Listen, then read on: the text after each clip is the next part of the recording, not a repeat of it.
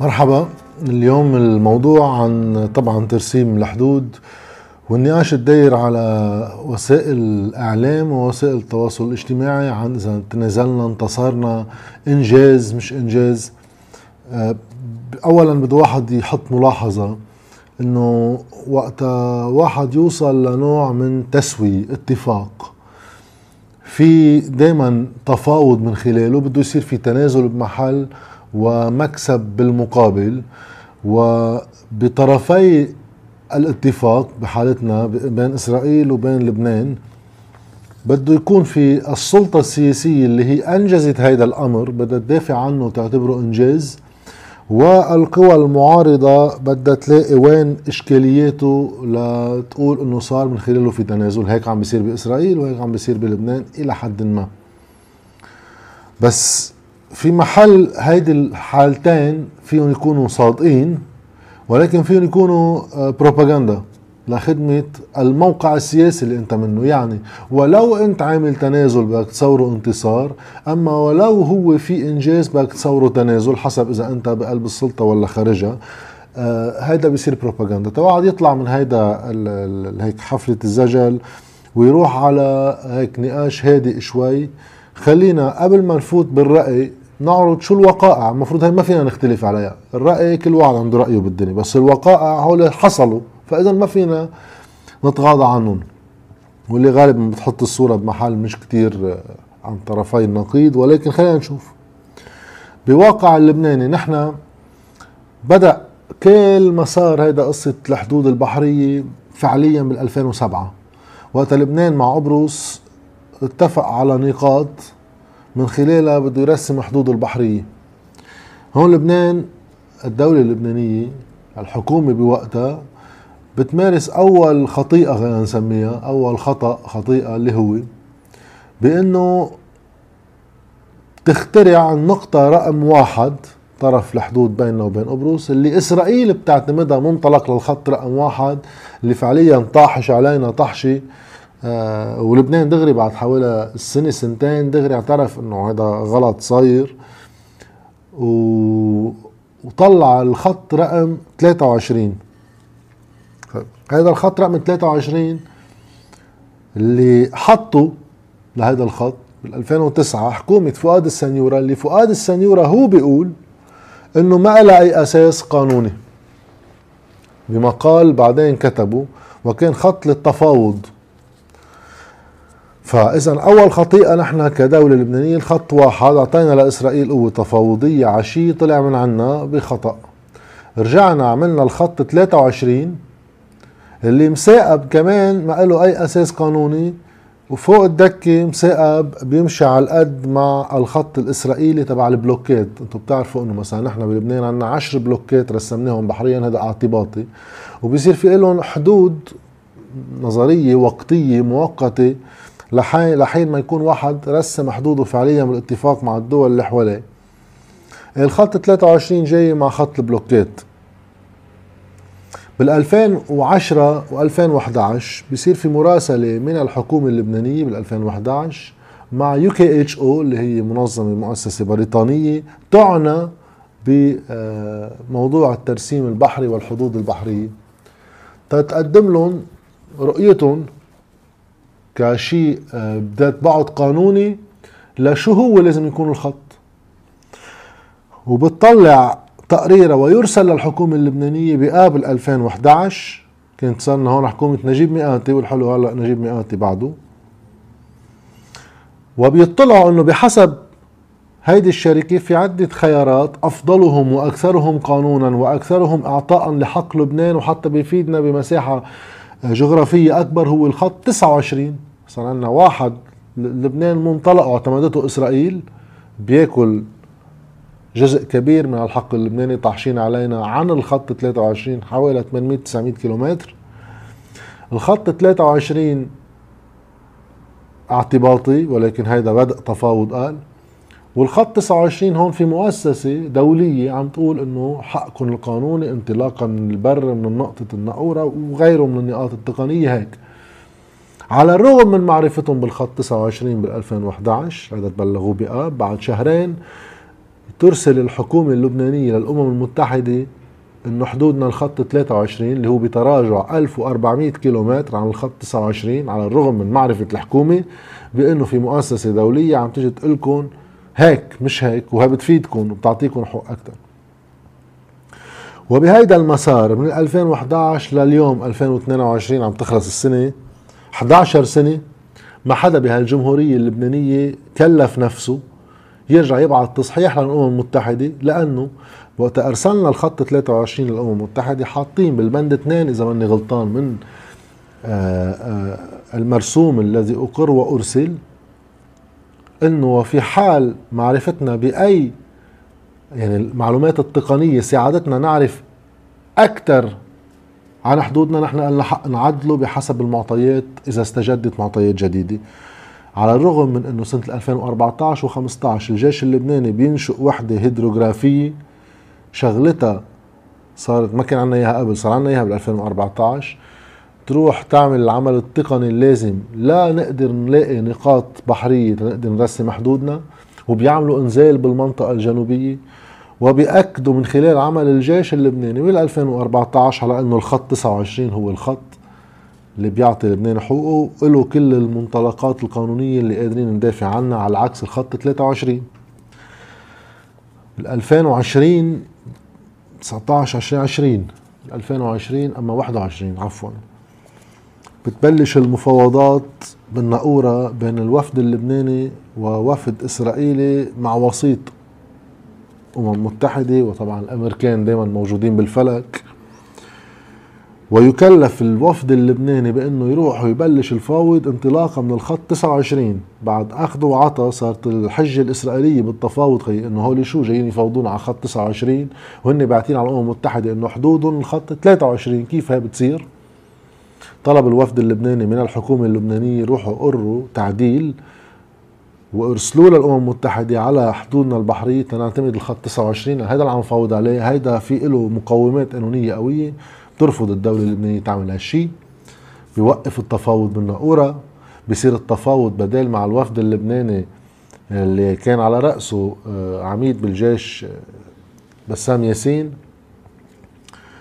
وبصير التفاوض بقنوات خلفية مع هوكستين اللي بيجي وبيقعدوا رؤساء ثلاثة وعباس إبراهيم والياس بوصعب صرنا بحالة القنوات الخلفية واللي موقف الدولة المعلن وعلى شو عم بتفاوض بطل معروف لحديت ما وصلنا.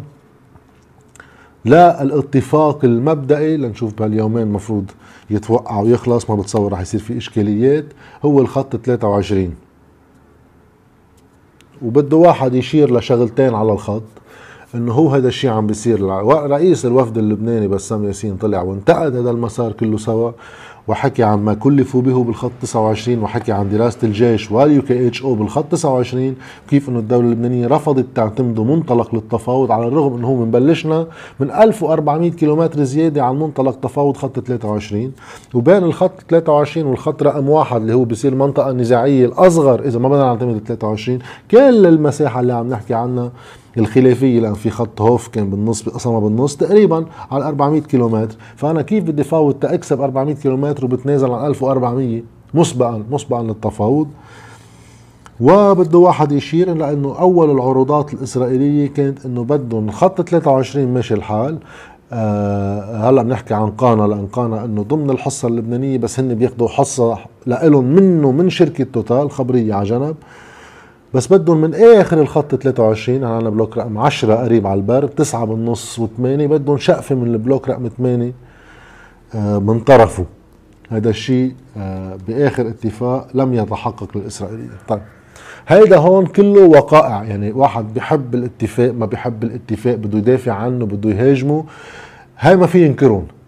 فاذا اذا نحن بقى نقارب النظرة من النظرة القانونية من النظرة آه، آه، آه، اللي بتعطينا أكثر قوة بالتفاوض. المنطق بيقول إنه نحن تنازلنا قبل بدء التفاوض بمجرد ما إنه تخلينا عن الخط 29 عن 1400 كيلومتر وكسبنا بالتفاوض كامل ال 480 كيلومتر اللي هو بين خط 23 وهوف هذه المنطقة النزاعية اللي كان عليها الخلاف لأنه كان في خط مبدئي إنه إسرائيل قبلت تتنازل عن هاي الشقفه وبتكسب هي آه، شقفة ثانية محولها ل 500 كيلومتر عفوا. فهون حسب كل واحد كيف بحب يقارب. ما راح فوت بهيدي الجدلية. أنا بالنسبة لي التنازل حصل بقبول إطار للتفاوض تحت السقف الأمريكي الإسرائيلي. من ضمن هيدا السقف حققنا ال maximum اللي بنقدر نعمله.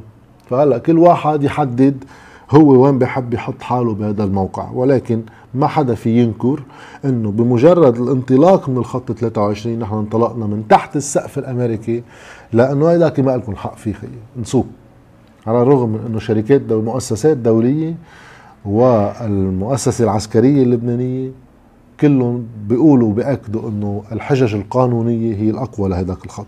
خلينا نحط كله هيدا أول شيء. هلا الأهم من هيدا الشيء كله مسارين بدنا نطلع لهم هلا. هو شو بيصير بعد هذا الشيء واحد يعرف حاله إذا انتصر ولا ما انتصر لأنه اخرتها ترسيم الحدود هو منطلق لشيء وليس شيء بحد ذاته. منطلق لشو؟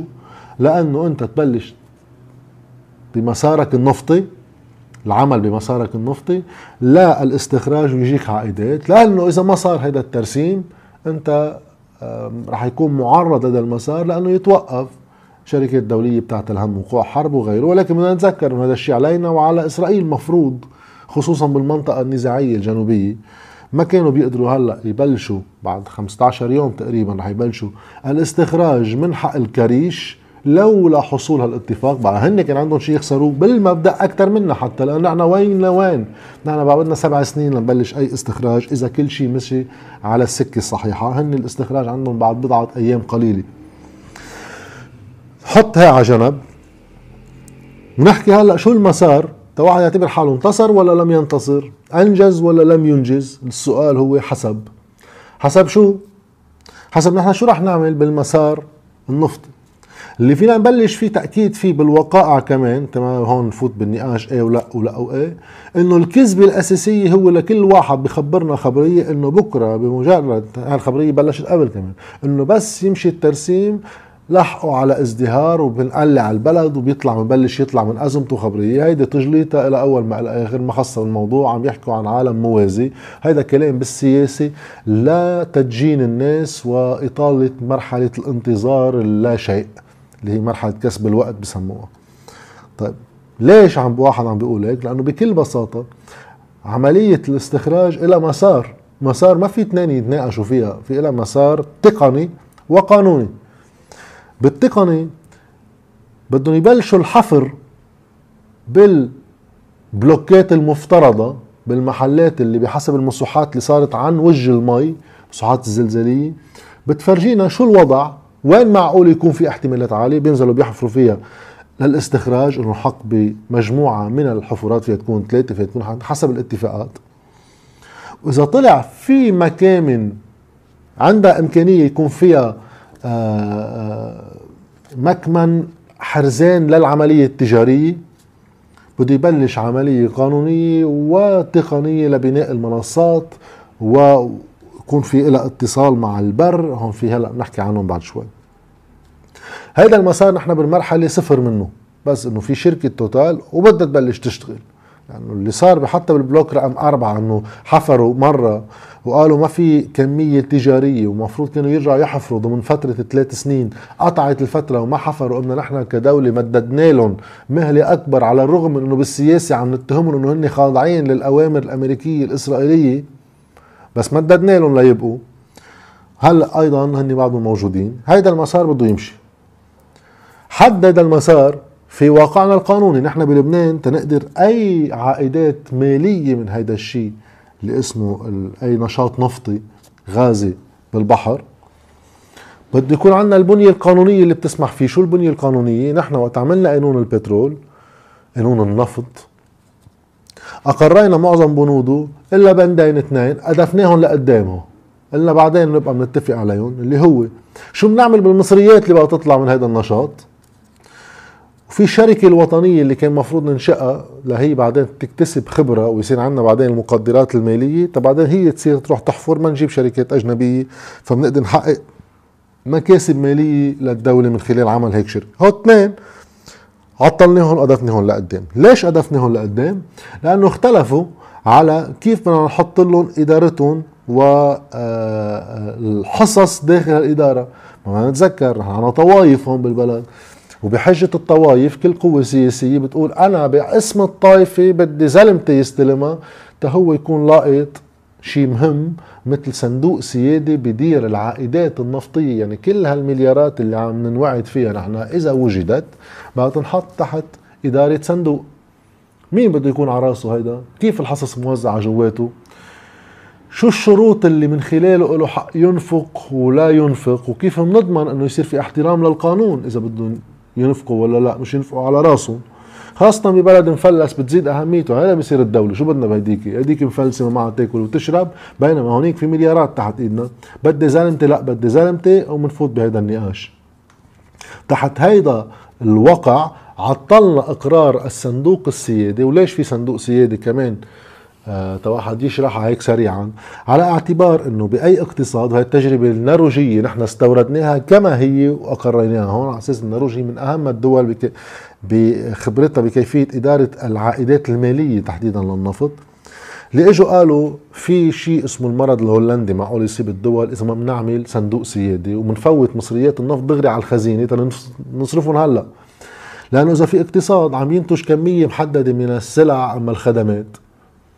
قيمتها خلينا نقول شو ما كان؟ مليار دولار. وفجأة بتكب عليه لأنه حفر بالأرض وطلع غاز. عائدات ب 10 مليار دولار على نفس كمية الإنتاج بدها تغلى كل هالأسعار ويصير في تضخم. فبصير المردود المالي تبع العائدات النفطية عم تخلق لي مشاكل اقتصادية وبعدين بصير في لا عدالة بكيفية الاستفادة منها. بالوقت لأنه رح ينكبوا كل المصريات هلأ بدل ما يكون على فترة أطول في أجيال لاحقة لازم تستفيد من الموارد الطبيعية. وأيضا بالطبقات الاجتماعية لأنه آه، في ناس كثير رح تتضرر من التضخم بينما في أقلية رح تستفيد من العائدات النفطية. فقالوا بنحط المصريات بصندوق على جنب ما خصوا بخزينة الدولة. هيدا له شروط محددة كيف تسحب منه بيحدد بقانون إنه إذا في عمليات خلينا نقول شو ما كان هون لأنه هيدا فيها تقرره الدولة إنه إذا بدي أشتغل بالبنى التحتية آه، اللي خاصة بالإنترنت بالطاقة بالطرقات باللي هو لك حق تسحب من الصندوق واي عملية إنفاق جاري أخرى ما لك حق. يعني إذا أنت عندك عجز بالموازنة وهالعجز ما بيتعلق بهالنوع من الأنشطة لو عندك عجز أنت بيبقى عندك عجز بالموازنة. وهيدا الصندوق اليات السحب منه هلا تنقنن قديش بنسحب منه تيكون هالسحب ما بيضر الاقتصاد بأنه يغلي أسعار يخلق حالات تضخم لا بل بالعكس بيقدر يمول فيه الجانب الإنتاجي الجانب البنى التحتيه هيدا اقره لبنان كمبدأ ولم يقر الصندوق السيادي لأن اختلفوا على الحصص داخله. ونفس السبب خليهم ما يقروا الشركة الوطنية لأنه الشركة الوطنية دي مين مجلس إدارتها مين على رأس هالمجلس إدارة كيف بيتم اتخاذ القرار داخلها. عطلناهم اثنيناتهم ودفناهم لقدام هالبلد اللي بيتعاطى مع هيك قضايا بهالروحية بهالمنطق بتصور ما كتير ببشر بالخير بشوف بده يعمل بالمصريات بكرة وقتها تجي؟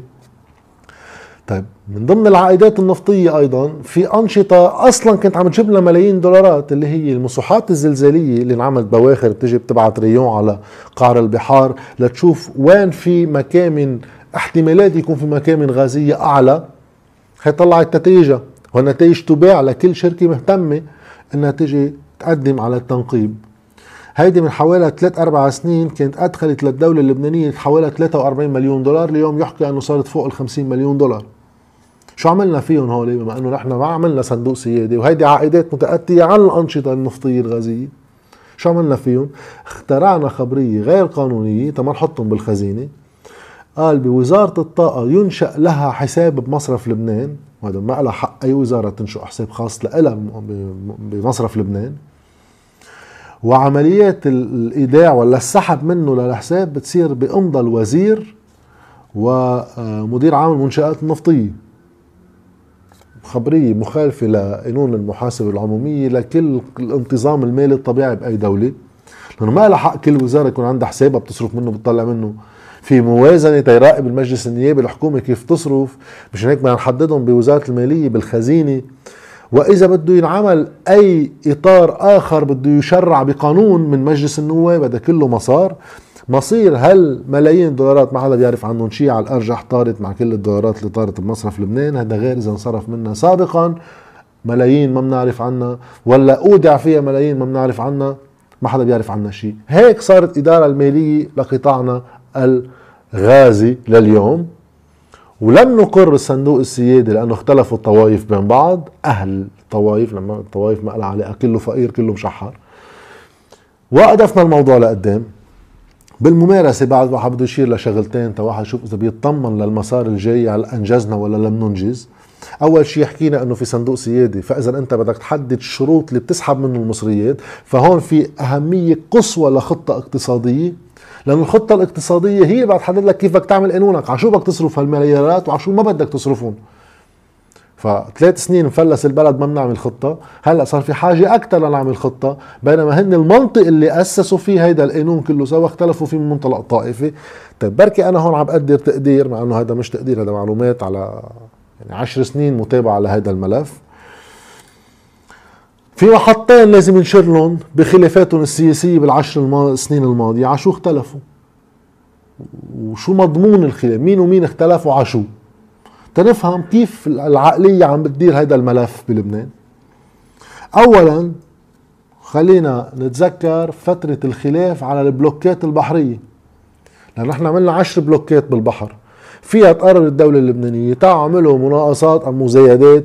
على العشر بلوكات مين بحب يجي يستثمر فيهم من الشركات الدولية؟ بنفس الوقت. وفي يقول بدي افتح ثلاث بلوكات بس بالأول من أصل العشرة قدموا هو. وبعدين بشوف شو بعمل بالبقاوى على اعتبار إنه إذا طلع عنا غاز يمكن يغلى أسعار البقاوى هلأ كمان إذا ما طلع فيه يمكن يرخص أسعار البقاوى هون بده إدارة. وفي يقول لأ بلوك واحد منهم. صار في خلاف وقتها شهير بين نبيه بري وجبران باسيل عبر عنه بالحكومة بين علي حسن خليل وجبران باسيل إنه لا بدنا نفتح العشر بلوكات سوا لا بدنا نفتح ثلاث بلوكات أما بلوكين.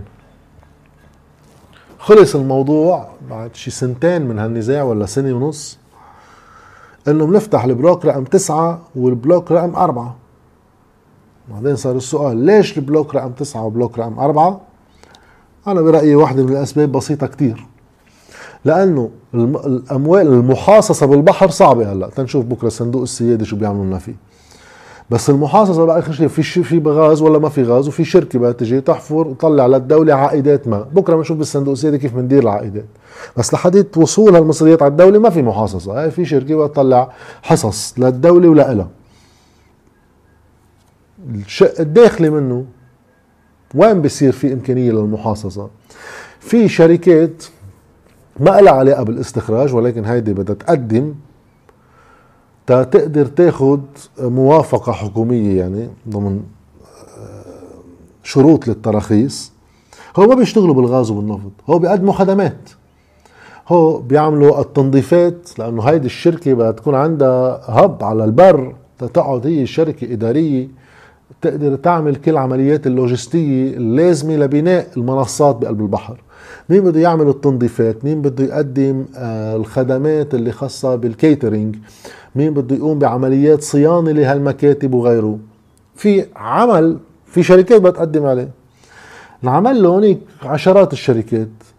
بعدين بنكتشف إنه هول الشركات اللي تقدموا شي بسنغافور مؤسس شي مدري بأي دولة كذا بعدين بتبحبش فيهم يطلع عنا أسامي مثل محمد شقير اللي كان وزير الاتصالات عامل وحدة وأسامي وأسامي بكرة هيدي بنعمل لها حلقة خاصة تنشوف إذا بقيوا الاعتراف فيهم ولا بدهم عمل آه يعني تراخيص جديدة.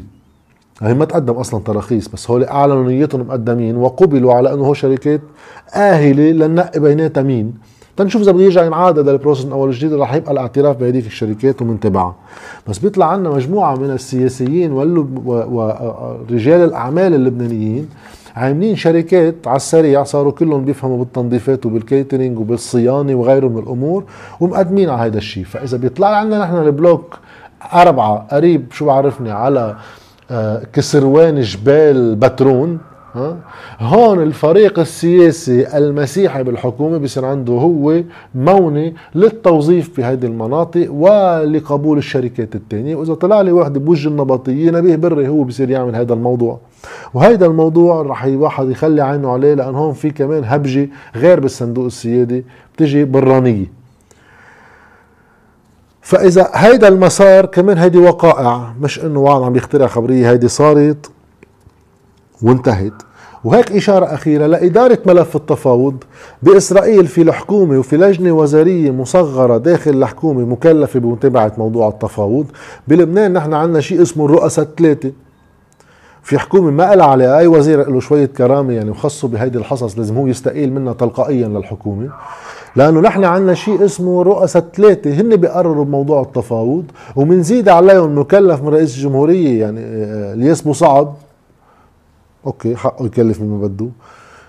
ومن تاني ميلة آه، عباس إبراهيم لأنه اعتمد إنه هيدا يقال على القليلة من الجهة الأمريكية هذا الحديث تسريبات إنه هيدا هو الوسيط الرسمي مع حزب الله. بس خلينا نسميه هذا مكلف كمان من الدولة اللبنانية.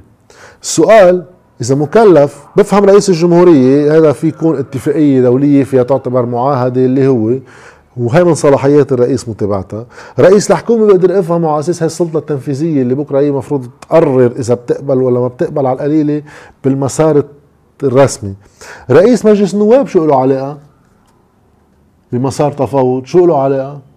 بس لأنه في عنا شيء نحن لا دولة وصار عنا شيء اسمه رؤساء ثلاثة. عنا نحن رئيس واحد للجمهورية مفروض وباقي رؤساء مؤسسات.